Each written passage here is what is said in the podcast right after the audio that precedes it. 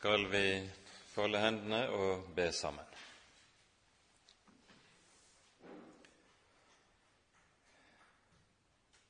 Kjære gode Herre, hellige Gud og Far. Nå ber vi først og fremst at du vil forbarme deg over oss og sende din Hellige Ånd.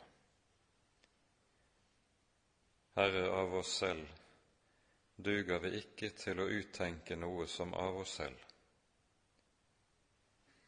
Sannheten i ditt ord trenger vi, Herre, at du selv kommer og åpenbarer for oss, for våre hjerter, at vi kan leve sant for dine øyne, sant i dine ord. Vi takker og lover deg, Herre Jesus, for alt ditt verk, at det du har, nok, har gjort, er nok til å leve på, til å leve i og til å dø på. Herre, lær oss dette å leve i deg og ved deg alene. For du, Herre, er vårt liv. Det ber vi, Herre, for ditt eget navn sjøl, og takker og lover deg fordi du er god, og din miskunnhet varer til evig tid. Amen.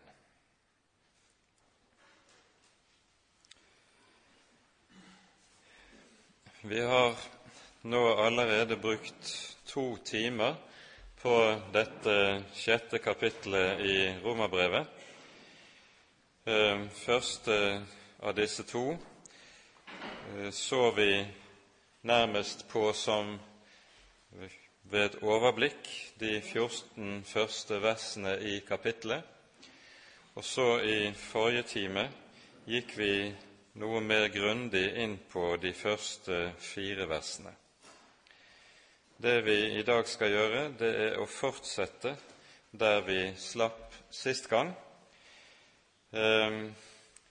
og det dere sikkert dermed også merker dere, er at vi dermed også kommer til å bruke kanskje mer tid på akkurat denne delen av romerbrevet enn vi har gjort på tidligere avsnitt i romerbrevet. Det henger sammen med det at de sannheter som møter oss her i kapittel 6, de er for det første i så stor grad ukjente for svært mange kristne, samtidig som vi også her står overfor noe som for svært mange troende også oppleves uhyre vanskelig både å tilegne seg og anvende på eget liv. Og Derfor tror jeg også at det er nødvendig at vi bruker noe mer tid på akkurat dette avsnittet som vi nå er inne i. Skal vi sammenfatte det som er hovedsaken i kapittel seks, så må det være dette at det gamle mennesket kan ikke forbedres, det må dødes. Og Dermed så er vi jo også inne i den sannhet som vi møter gjentatte ganger i evangeliene, når Jesus stadig kommer tilbake til dette der han sier den som ikke tar sitt kors opp og følger etter meg, er meg ikke verd. Matteus 10, 38 og 39. Den som finner sitt liv, skal miste det, og den som mister sitt liv for min skyld, han skal finne det. Med ulike variasjoner så er dette en sannhet som Jesus stadig vender tilbake til, stadig gjentar. Og Det dreier seg altså om samme sak som Paulus her er inne i i Romerbrevets sjette kapittel. Helliggjørelsens bestemte forutsetning er altså dette at det gamle mennesket skal dø. og uten dette ingen helliggjørelse. Uten dette så ender man opp i det som ellers i Det nye testamentet kalles for lovgjerninger. Lovgjerninger er nettopp forsøket på å forbedre gamle Adam. Lovgjerninger er ikke det som Det nye testamentet kaller for frukt. Ytre sett kan dette se ganske likt ut. Hvis du stanset opp og betraktet fariseernes liv, disse som satte alt inn på å etterleve Guds ord og Guds hellige lov, så ville du gjerne lett kunne dra den slutning her står vi overfor mennesker som virkelig er nådd langt i sin helliggjørelse, mens i Jesu øyne forholder saken seg stikk motsatt. Hele deres fromhet, hele deres religiøse liv, var ikke noe annet enn forsøk på å forbedre gamle Adam. Derfor er det ikke frukt, men egenrettferdighet. Og Dette er så avgjørende å være klar over disse sannhetene, for ellers så vil man uhyre fort komme over i det at helliggjørelsen for en kristen kommer til å bikke over i fariseisme i stedet for at det blir det som vår bibel taler om og kaller for frukt. Det er av denne grunn det er så avgjørende for oss at vi merker oss hvordan apostelen Paulus taler om disse tingene, språkbruken hans. Vi merker oss når han taler om helliggjørelsen, så taler han ikke om å få kraft til å bli annerledes, eller om å få kraft til å seire over synden. Den typen uttrykk brukes ikke, anvendes ikke, når Paulus underviser om dette. Vi hører heller ikke at apostelen ber Gud om hjelp til å forbedre seg. Også den språkbruken er borte, og begrunnelsen er jo helt enkelt dette at når du ber Gud om hjelp til å gjøre noe, da blir det hele så å si et samarbeidsprosjekt mellom Gud og meg, der jeg gjør litt og Gud gjør noe, og så ender du nettopp ut i det ulykkelige som fariseerne endte opp i. Det er jo her vi, i parentes bemerket, møter noe av det betydeligste problemet i som vi fant i liturgirevisjonen i Den norske kirke i 1978. Der så godt som alle bønnene, både kollektbønnene og kirkebønnen, når det var tale om det kristne livet, så brukte en gjennomgående denne formuleringen Gud, hjelp oss til å bli, hjelp oss til å gjøre eller være. Det er ikke tilfeldig at vi nettopp ikke bruker den måten å formulere seg på i Det nye testamentet, nettopp fordi her ses ikke helliggjørelsen på som et samarbeidsprosjekt mellom Gud og meg. Det er i stedet slik at vi hører talen om at Herren døder og gjør levende. Gamle Adam korsfestes. Dette innebærer altså at det er en fundamental forskjell mellom det vi vanligvis kaller for moralisme, og det som er sant kristent liv. Det betyr at helliggjørelse ikke er identisk med verken dannelse, god oppdragelse, moralsk patent liv eller lignende. Noe som for øvrig også en, representerer en betydelig utfordring for all kristen oppdragelse og all kristen pedagogikk. Dessverre er det ofte slik at den kristne oppseding, enten det er hjem eller skole, ender ut i moralisme, slik at de barna som kan oppdras i den kristne, kristne tro, de får en slik vekt lagt over seg på et rett moralsk liv at de, det glipper i forståelsen av at det er Jesus som er vårt liv. Og så ender de opp som gode hyklere i stedet. Det er en grøft som den kristne oppdragelse, enten det er hjem eller skole, er nødt til å være meget oppmerksom på, for at barna ikke skal havne i slik en grøft. Det være nevnt, vi skal ikke si mer om det i denne sammenheng. Når Bibelen altså taler som den gjør om helliggjørelsen, så er hele poenget at når helliggjørelsen ikke er selvforbedring, så er den i stedet noe som handler om et livs samfunn. Det er et livs samfunn med Herren Jesus Kristus. Og alt som ikke springer ut av dette livssamfunnet med Jesus, det er kjød, det er menneskeverk, det er noe som ikke står prøve overfor den levende Gud. Her skal vi merke oss et sentralt ord i 1. Korinterbrev kapittel 1, vers 9. Her står det slik:" Gud er trofast, Han ved hvem dere ble kalt til samfunn med Hans Sønn, Jesus Kristus.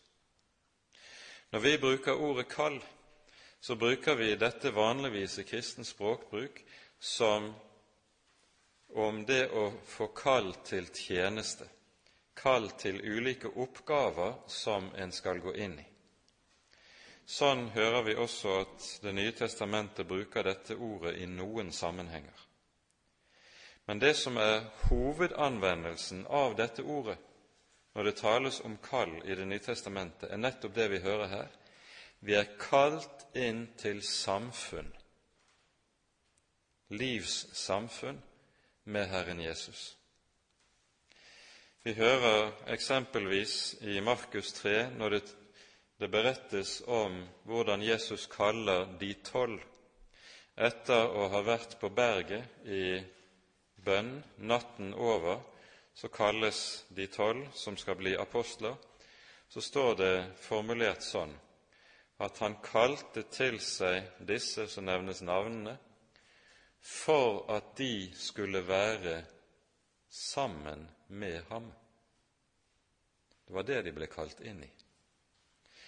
Og det å kalles inn i dette å være sammen med Jesus, det handler om nettopp det at når de er sammen med ham, så skal de se hva som er hans gjerning, lytte til hva som er hans ord, og så vil det syn, det de hører, det vil omdanne og forme dem.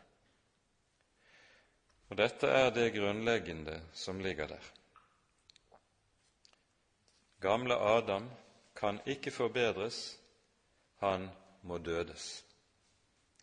Derfor brukes det også et eget uttrykk, ganske særlig hos apostelen Paulus, gjennom alle brevene hans. Han taler om å være i Kristus.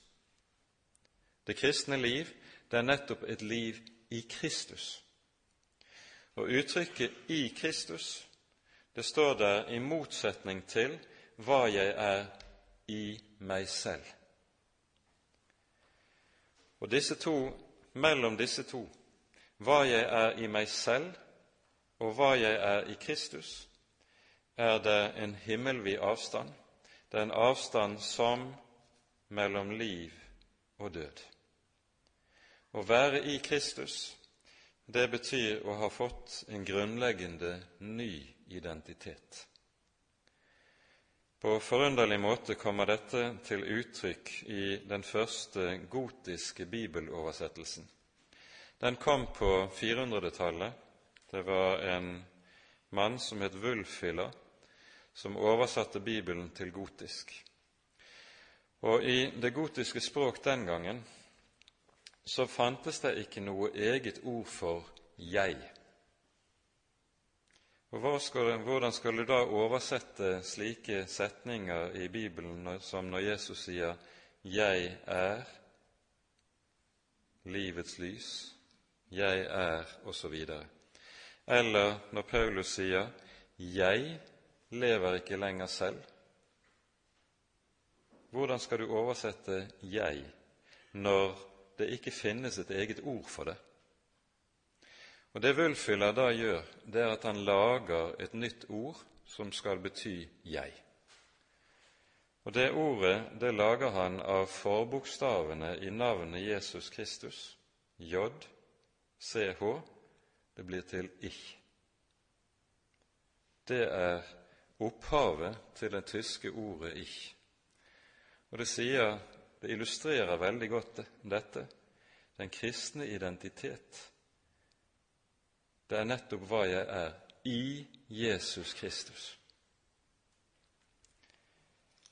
Med dette i minne går vi nå inn i Romane 6, og for sammenhengen sin del så leser vi på ny hele avsnittet fra vers 1 til vers 14, selv om vi altså bare kommer til å se på en del av avsnittet.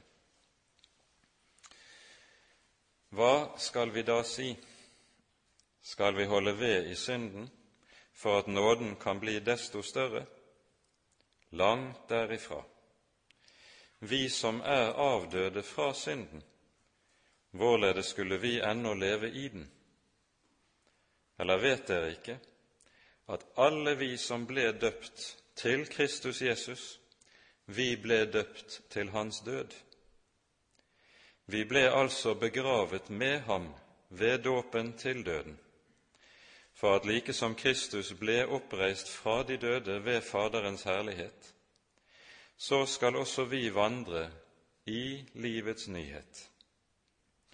For er vi blitt forenet med ham ved likheten med hans død, så skal vi også bli det ved likheten med hans oppstandelse, da vi jo vet dette, at vårt gamle menneske ble korsfestet med ham for at syndelegemet skulle bli til intet, så vi ikke mer skal tjene synden. For den som er død, er rettferdiggjort fra synden. Men er vi død med Kristus, da tror vi at vi også skal leve med ham, fordi vi vet at etter at Kristus er oppstanden fra de døde, dør han ikke mer. Døden har ikke mer noen makt over ham. For sin død, den døde han en gang for synden, men sitt liv, det lever han for Gud. Således skal også dere akte dere som døde for synden, men levende for Gud i Kristus Jesus. La derfor ikke synden herske i deres dødelige legeme, så dere lyder dets lyster.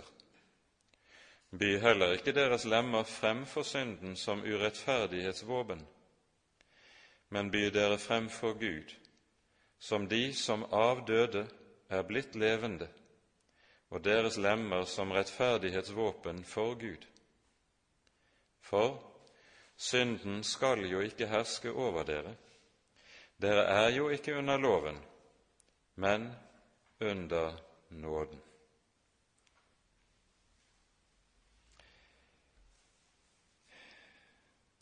Det vi hører når vi begynner på det femte verset, det er at her finner vi altså begrunnelsen for det som er sagt i de par foregående versene. Er vi forenet med ham ved likheten med hans død, så skal vi også bli det ved likheten med hans oppstandelse. Tankegangen er jo at her siktes det nettopp til det som skjer i dåpen, der dåpen i den gamle kirke, i den første kristenhet, jo foregikk ved full neddykking, slik at det symboliserte nettopp det å gravlegges og stå opp igjen. Og så er det tale om i dette en type følgeslutning. Er vi forenet med ham ved likheten med hans død, så skal vi. Altså er det ene sant, da er også det annet sant. Det er poenget. Og Det det dreier seg om da, det er at her taler apostelen om det kristne liv som en åndelig oppstandelse fra synden, en oppstandelse til det som han kaller i de foregående vers livets nyhet, som vi har vært inne på tidligere, og som er et uttrykk som nettopp betegner det at det kristne liv det er et liv som er kvalitativt nytt. Det er altså ikke bare en forandring på det som allerede er der, men det er noe som er kvalitativt nytt og annerledes enn det som var der før, nemlig det gamle mennesket. Og Her minner vi om det vi leser i 2. Korinterbrev kapittel 5. Et viktig avsnitt til utfyllelse av det vi hører her i Romane 6. 2. Korinterbrev kapittel 5 fra vers 14 står det slik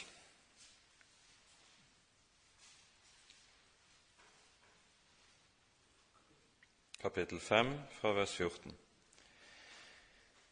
For Kristi kjærlighet tvinger oss, idet vi har oppgjort dette med oss selv, at én er død for alle, derfor er de alle døde. Og han døde for alle for, for at de som lever, ikke lenger skal leve for seg selv, men for ham som er død og oppstanden for dem. Derfor kjenner vi fra nå av ikke noen etter kjødet. Har vi òg kjent Kristus etter kjødet, så kjenner vi ham dog nå ikke lenger således. Derfor, dersom noen er i Kristus, da er han en ny skapning. Det er altså tale om det som er kvalitativt nytt, som vi har vært inne på. Det gamle er forganget, Se, alt er nytt. Vi ser forbindelsen med talen i vers 15 om foreningen med Jesus i hans død og oppstandelse, og vi understreker det vi også har vært inne på tidligere i vers 14, når det står 'For Kristi kjærlighet tvinger oss', så er det nettopp noe av det som er selve kjernen i evangeliet, det kristne liv til forskjell fra fariseernes liv. Det som tvinger fariseeren, er loven. Det som tvinger den troende, det er Kristi kjærlighet, altså budskapet i evangeliet om hva Han har gitt, hva Han har ofret for min skyld. Men så møter vi et underlig uttrykk i vers 16, som altså kommer midt inn i dette vi her hører. Derfor kjenner vi fra nå av ikke noen etter kjødet. Har vi òg kjent Kristus etter kjødet, så kjenner vi ham dog nå ikke lenger således. Hva menes det med dette? Og hvorfor er det tale om det midt inn i denne sammenheng spesielt? Når vi i evangeliene leser om Jesu virke, så hører vi gjentatte ganger om mennesker som kjente Jesus etter kjødet. Vi kan peke på Johannesevangeliet i det sjette og syvende kapittel, f.eks., der vi hører om eh, hvordan jød, jødene eller judeerne, som det antagelig skal oversettes i Johannesevangeliet, reagerer i møte med Herren Jesus. Det står slik i f.eks. i Johannes 7, vers 26 og 27. Skulle virkelig våre rådsherrer være blitt overbevist om at Han er Messias? Men, sies det, om denne mann vet vi hvor han er fra, men når Messias kommer, vet ingen hvor han er fra. I kapittel 6, vers 42, så hører vi det sies Hvordan kan han si at 'jeg er det brød som er kommet ned fra himmelen'? Er ikke dette Jesus, Josefs sønn, hvis far og mor vi kjenner? Hvordan kan han nå si 'Jeg er kommet ned fra himmelen'? Disse reaksjonene som vi her møter, de er nettopp uttrykk for dette at de kjenner Kristus etter kjødet, men altså ikke etter ånden. Poenget er de har ikke fått åpenbart for sine hjerter hvem Jesus egentlig er, og derfor kjenner de ham bare ytre, på ytre menneskelig måte. Det motsatte av det vi her hører, det er jo det vi møter når Peter avlegger sin store bekjennelse. Du er Messias, den levende Guds sønn, bekjenner Peter i Matteus 16, hvorpå Jesus svarer, Salig er du, Simon, Jonas' sønn, for kjøtt og blod har ikke åpenbart deg dette, men min Fader i himmelen. Og poenget er ingen kan kjenne Jesus rett uten at dette åpenbares for et menneskes hjerte av Gud. Det gis så å si ikke noen naturlig vei til dette rette kjennskap til Jesus og til livssamfunnet med Jesus. Det er noe som utelukkende kan åpenbares ved Den hellige ånd. Derfor, når det gjelder disse ting, slike sannheter som vi her har med å gjøre i Skriften, så er det av den art at det ikke kan forklares om du har aldri så gode pedagogiske evner.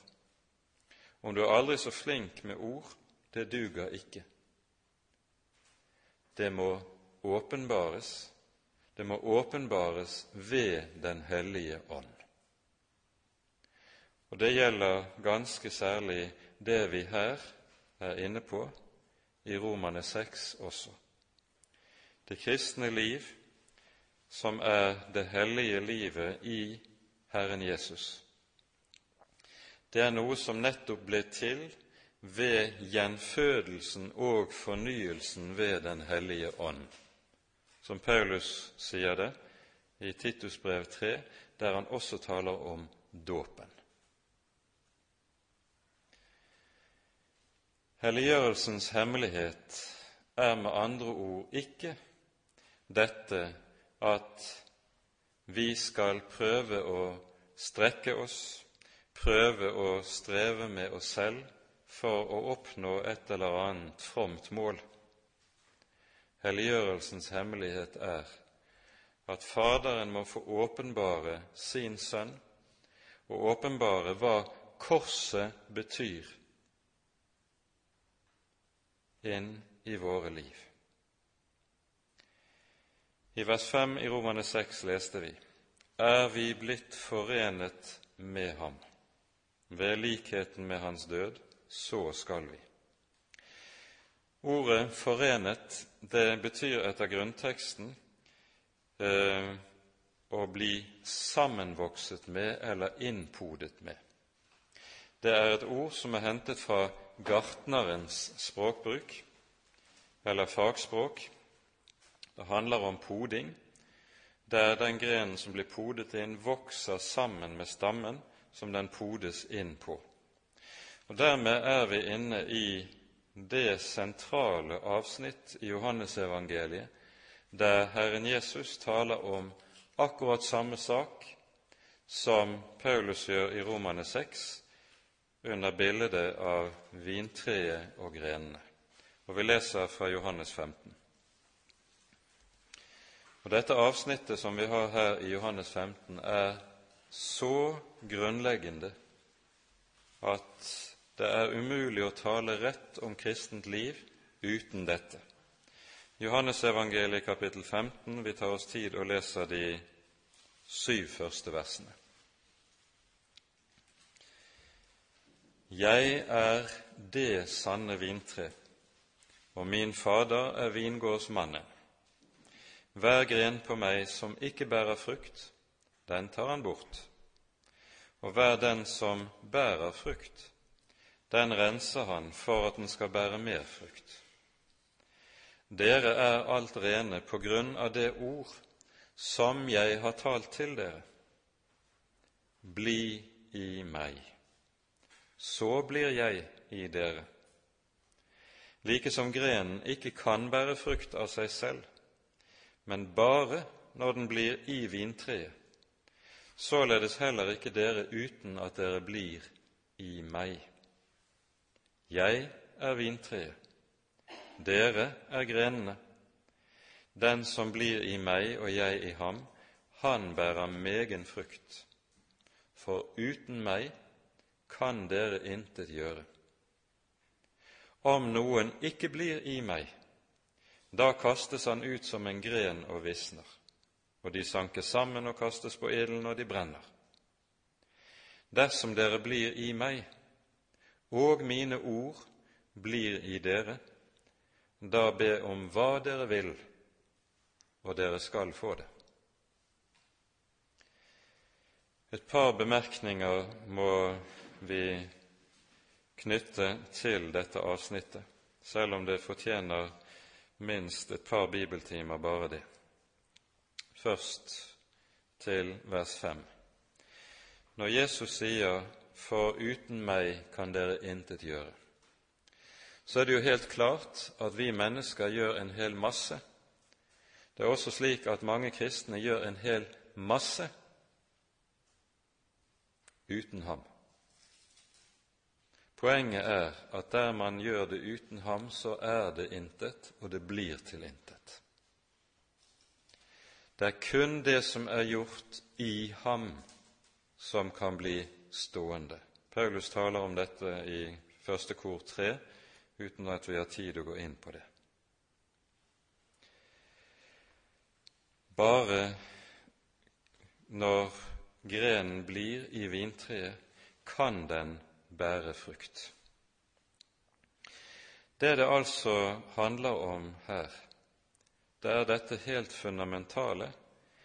Det er ved å bli i Jesus, bli i evangeliet om Jesus, at en kristen bærer frukt og altså helliggjøres. Med det merker vi oss altså også at helliggjørelse er ikke noe som skapes gjennom bud og formaninger. Formaningene helliggjør ingen. Formaningene er en art forkynnelse av Guds hellige lov, og den er sannelig nødvendig, den også men formaningene virker ikke helliggjørelse. Det som virker helliggjørelsen, det er nettopp dette bli i meg. Hvordan blir vi Jesus?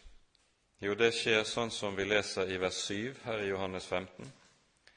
Dersom dere blir i meg Da har vi en hebraisme, som det gjerne kalles, i dette verset, slik at det for at vi skal forstå meningen rett, skulle oversettes litt annerledes.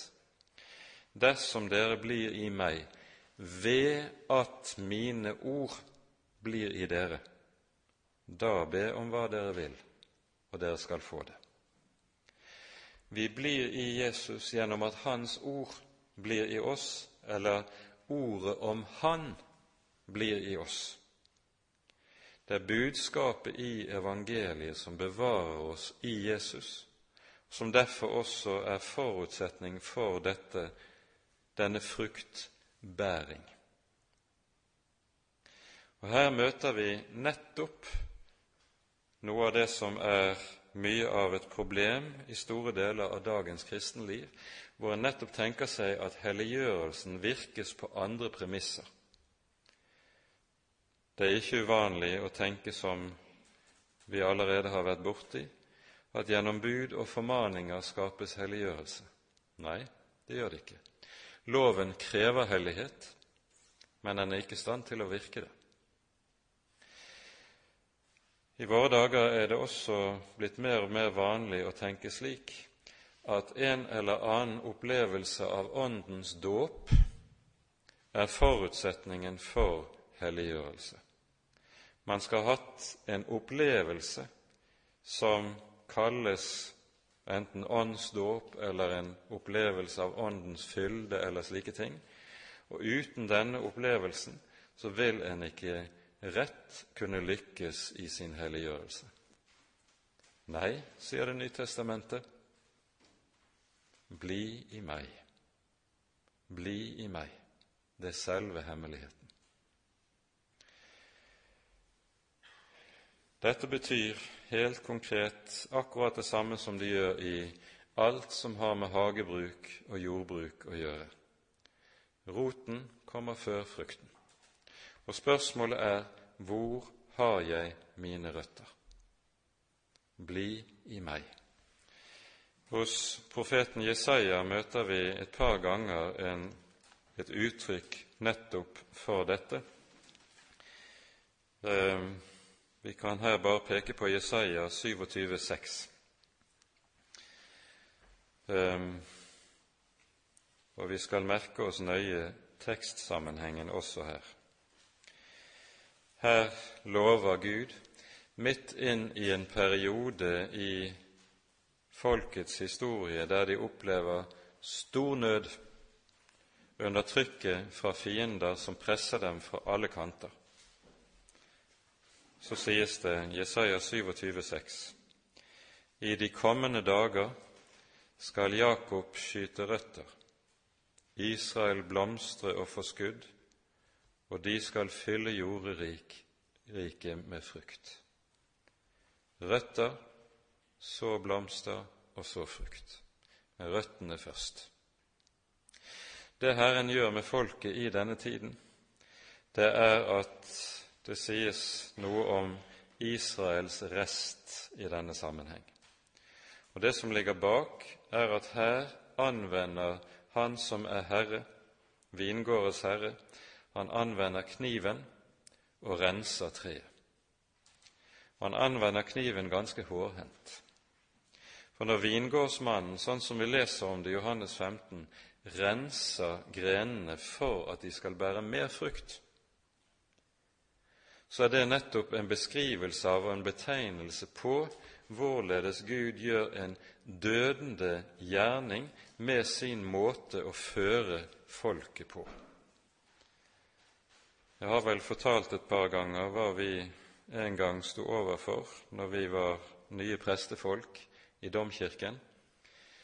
Der var det noen gamle solbærbusker i, som sto rundt huset. Og disse solbærbuskene var både store, bladrike, men så godt som uten frukt. Året etter at vi var flyttet inn, så spurte noen som hadde greie på skal, går det an å gjøre noe med disse buskene, eller skal vi bare hugge de? Jo, så fikk vi beskjed om hva vi skulle gjøre. De skulle beskjæres, og de skulle beskjæres ganske hardt. Jeg så gjorde, og Kjersti sto nede og så på og jamret og sa 'du dreper de'. Men jeg gjorde det jeg hadde fått beskjed om. Så lot vi de stå, gjødslet godt. Det året kom der ingenting. Men året etterpå bar en enkelt busk 20 liter bær.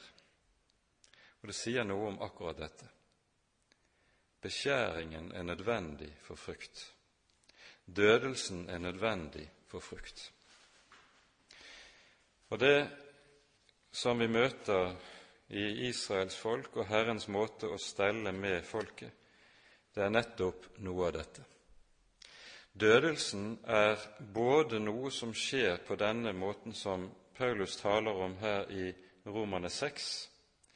Det er en forening med Kristus i hans død og oppstandelse, men det er samtidig noe som Gud gjør gjennom sin førelse med sitt folk og med den enkelte av oss, slik at den lidelse, den nød som troende mennesker opplever her i verden. Det er en del av denne dødelse som Gud utfører i våre liv for å skape frukt. Og Når dette nå er pekt på, så kommer vi ikke utenom et annet viktig avsnitt i Det nye testamentet, nemlig Hebreane 12, som vi også må ta med i dag. Her taler Paulus just om det som vi nå Unnskyld, ikke Paulus, vi vet jo ikke hvem som har skrevet hebreabrevet, men eh, hebreabrevets forfatter taler altså om det vi nå er inne i. Vi leser fra vers 4. Ennå har dere ikke gjort motstand like til blodet i deres kamp mot synden, og dere har glemt den formaning som taler til dere som til barn. Min sønn, akt ikke Herrens tukt ringe, og bli ikke motløs når du refses av ham. For den Herren elsker, den tukter han, og han hudstryker hver sønn han tar seg av. Det er for tuktens skyld dere tåler lidelse. Gud gjør med dere som er sønner. For hvem er den sønn hans far ikke tukter? Men er dere uten tukt, som alle har fått sin del av, da er dere uekte barn, ikke sønner. Merk akkurat det, parallellen til Johannes 15. Hver gren som bærer frukt, den renser han. De som ikke bærer frukt, de opplever ikke den rensende kniven som skjærer. Og så fortsetter han. Dessuten, Våre kjødelige fedre hadde vi til opptuktere, og vi hadde ærefrykt for dem. Skal vi da ikke meget mer være lydige mot åndenes far, så vi får leve? For hine, altså våre jordiske fedre, tuktet oss for noen få dager etter sitt eget tykke, men han tukter til vårt gagn for at vi skal få del i Hans hellighet. Merk det uttrykket. Dette innebærer altså at Gud bruker det som vi opplever som tungt, lidelse. Det er så mange forskjellige ting vi kan utsettes for i livet. Det være seg sykdom, forholdet til vansker i familie eller arbeidsplass eller hva det nå kan være, vi vet ikke. Men Gud anvender alle slike ting nettopp med tanke på å døde gamle Adam. Det er en del av korsfestelsen. Han tukter til vårt gagn for at vi skal få del i Hans hellighet. All tukt synes vel, mens den står på, ikke å være til glede, men til sorg. Men siden gir den dem som derved er blitt oppøvd, rettferdighetens salige frukt. Derfor rett de hengende hender og de maktløse knær. Vær frimodig.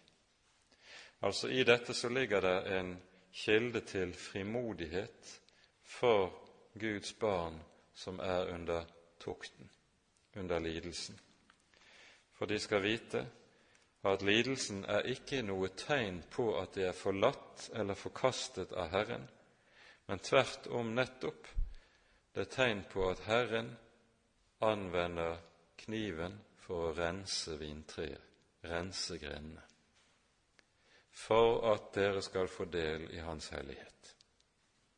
Dette er tankegangen som vi finner i Nytestamentet, og det er helt avgjørende å være oppmerksom på dette.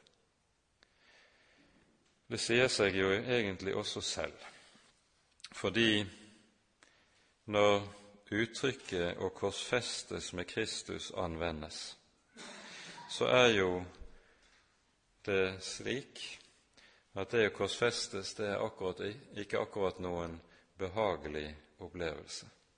Det er smertefullt.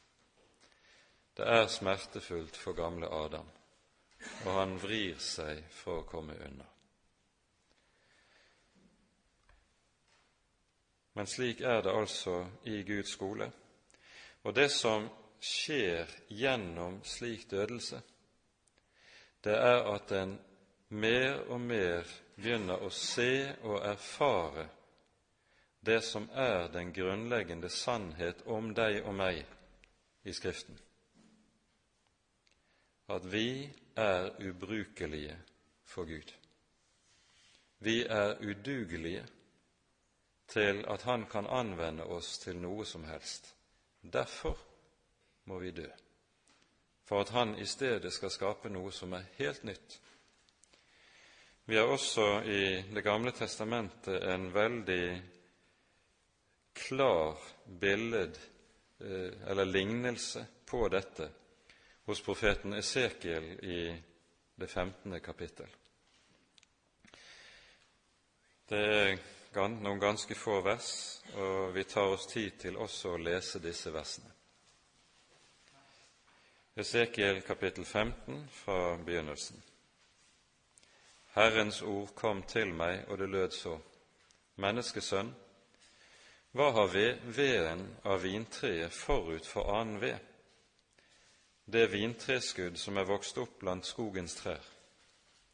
Tar en vel ved av det for å bruke det til noe arbeid? Eller gjør noen en nagle av den til å henge noe redskap på? Nei, en gir ilden den til føde.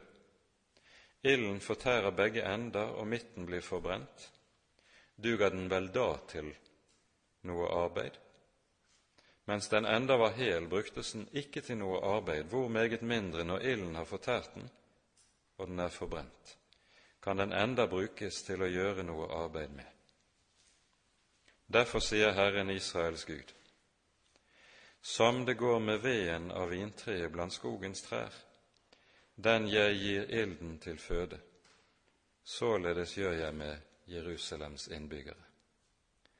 Poenget her er når det sies veden av vintreet kan ikke brukes til noe som helst, så er det dette at veden er så myk at den kan ikke anvendes til noe.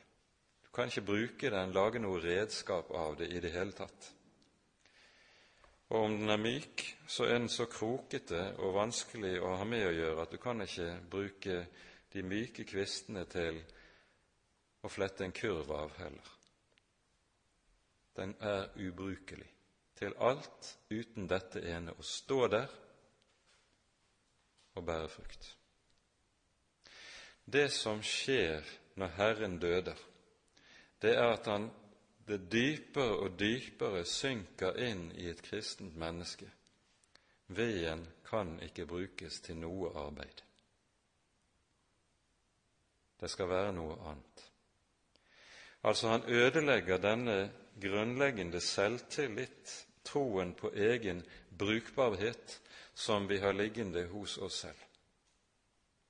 Det er noe av det helt sentrale i Guds dødelse.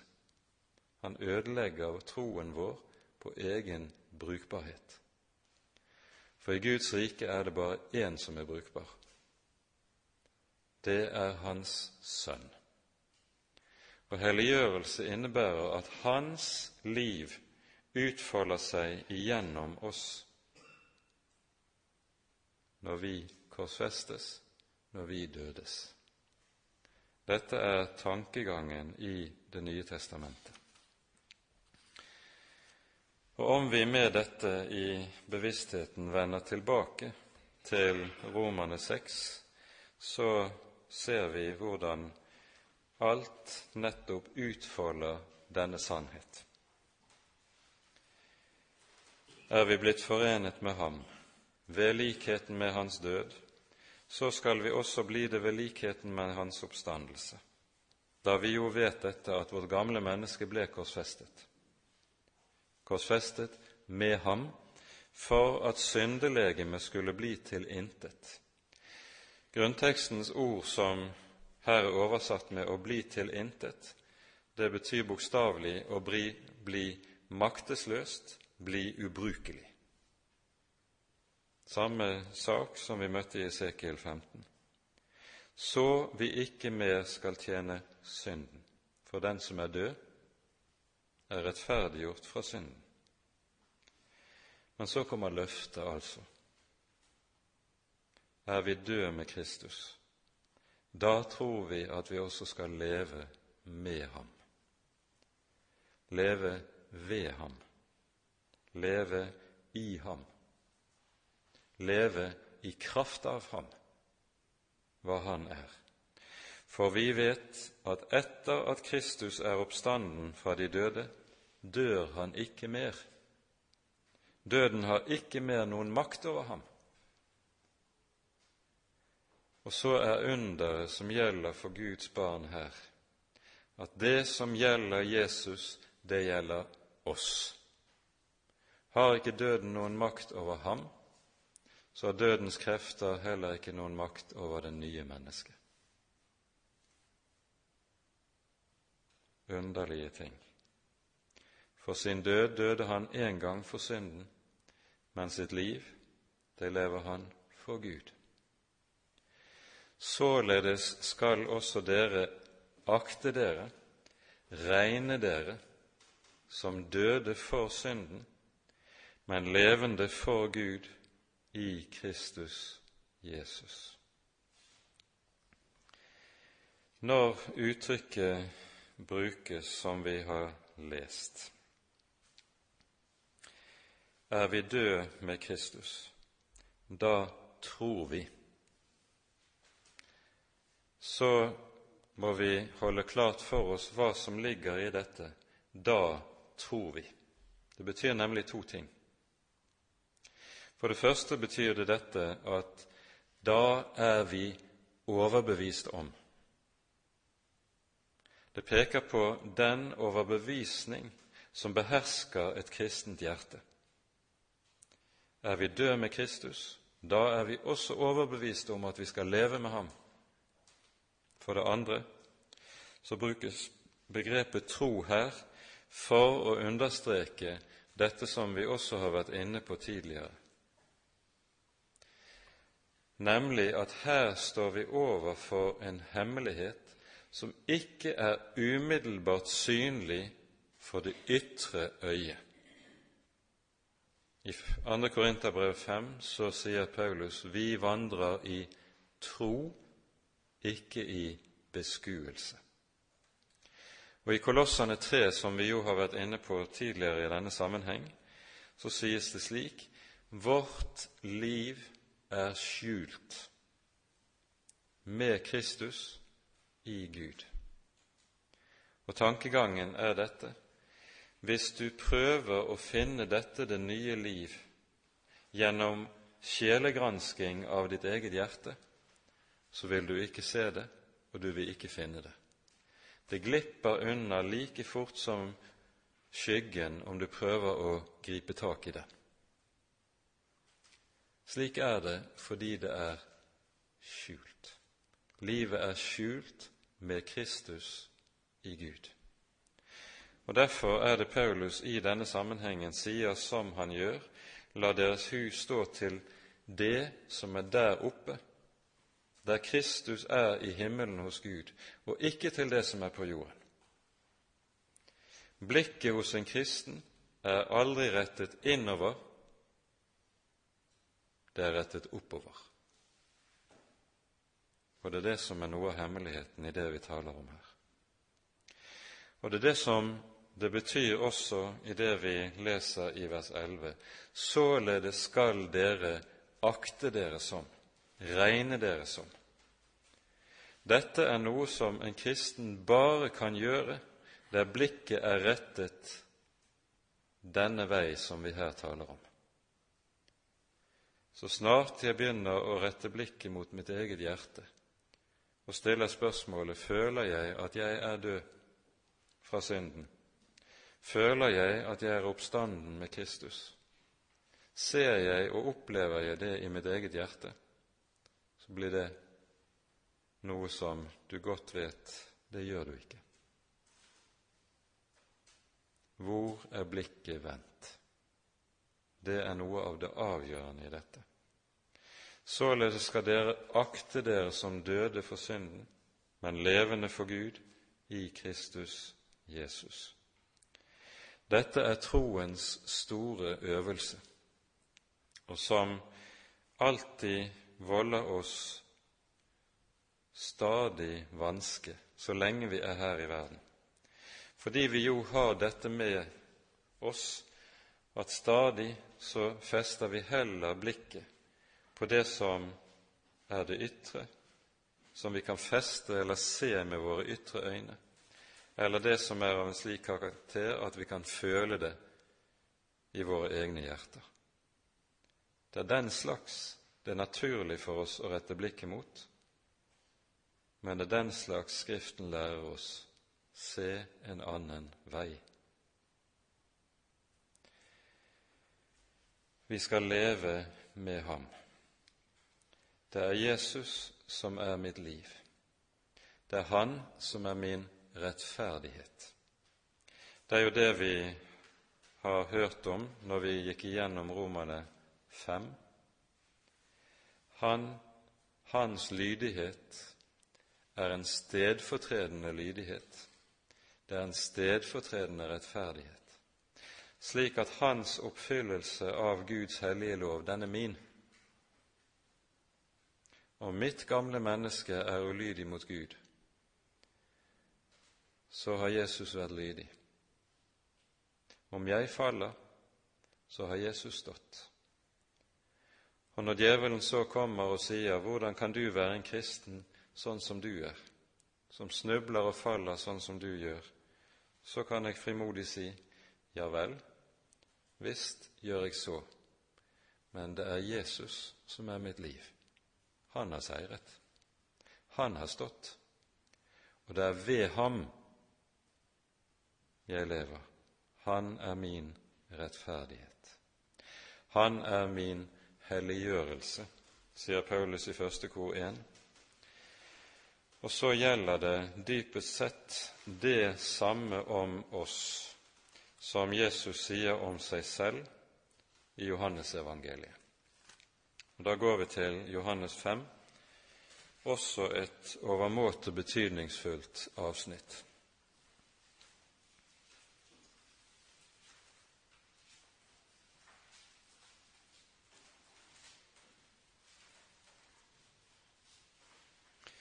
Etter at Jesus har helbredet den syke ved Betestadammen, så hører vi en stridssamtale utspenne seg, spille seg mellom Jesus og en gruppe judeere. Og så hører vi Jesus si i vers 19. Jesus svarte og sa til dem, Sannelig, sannelig, sier jeg dere, Sønnen kan ikke gjøre noe av seg selv men bare det han ser Faderen gjør. For det han gjør, det gjør Sønnen likeså. Tenk det. Han som er syndfri, han som er den eneste som kunne ha rett til å gjøre noe av seg selv, gjør det ikke. Hans liv består nettopp i å gjøre det han ser Faderen gjør så åpenbarer Faderen sin gjerning som Jesus vandrer inn i. Dette gjelder for oss på samme måte om vi hører Jesus til. Også om oss skal det samme lyde. Vi kan ikke gjøre noe av oss selv, dvs. Si med kilden i oss selv, men bare det vi ser Sønnen gjør. Og Derfor er det så avgjørende at vi får lov til å stå der hvor Sønnen kan åpenbares. Hans gjerning kan åpenbares, og så er det det en kristen lever i. Vers 30 gjentar Jesus.: Jeg kan ikke gjøre noe av meg selv. Som jeg hører, dømmer jeg, og min dom er rettferdig. For jeg søker ikke min vilje, men Hans som har sendt meg det kjennetegner også en kristen. Han søker ikke sin vilje, men hans vilje som har utvalgt meg.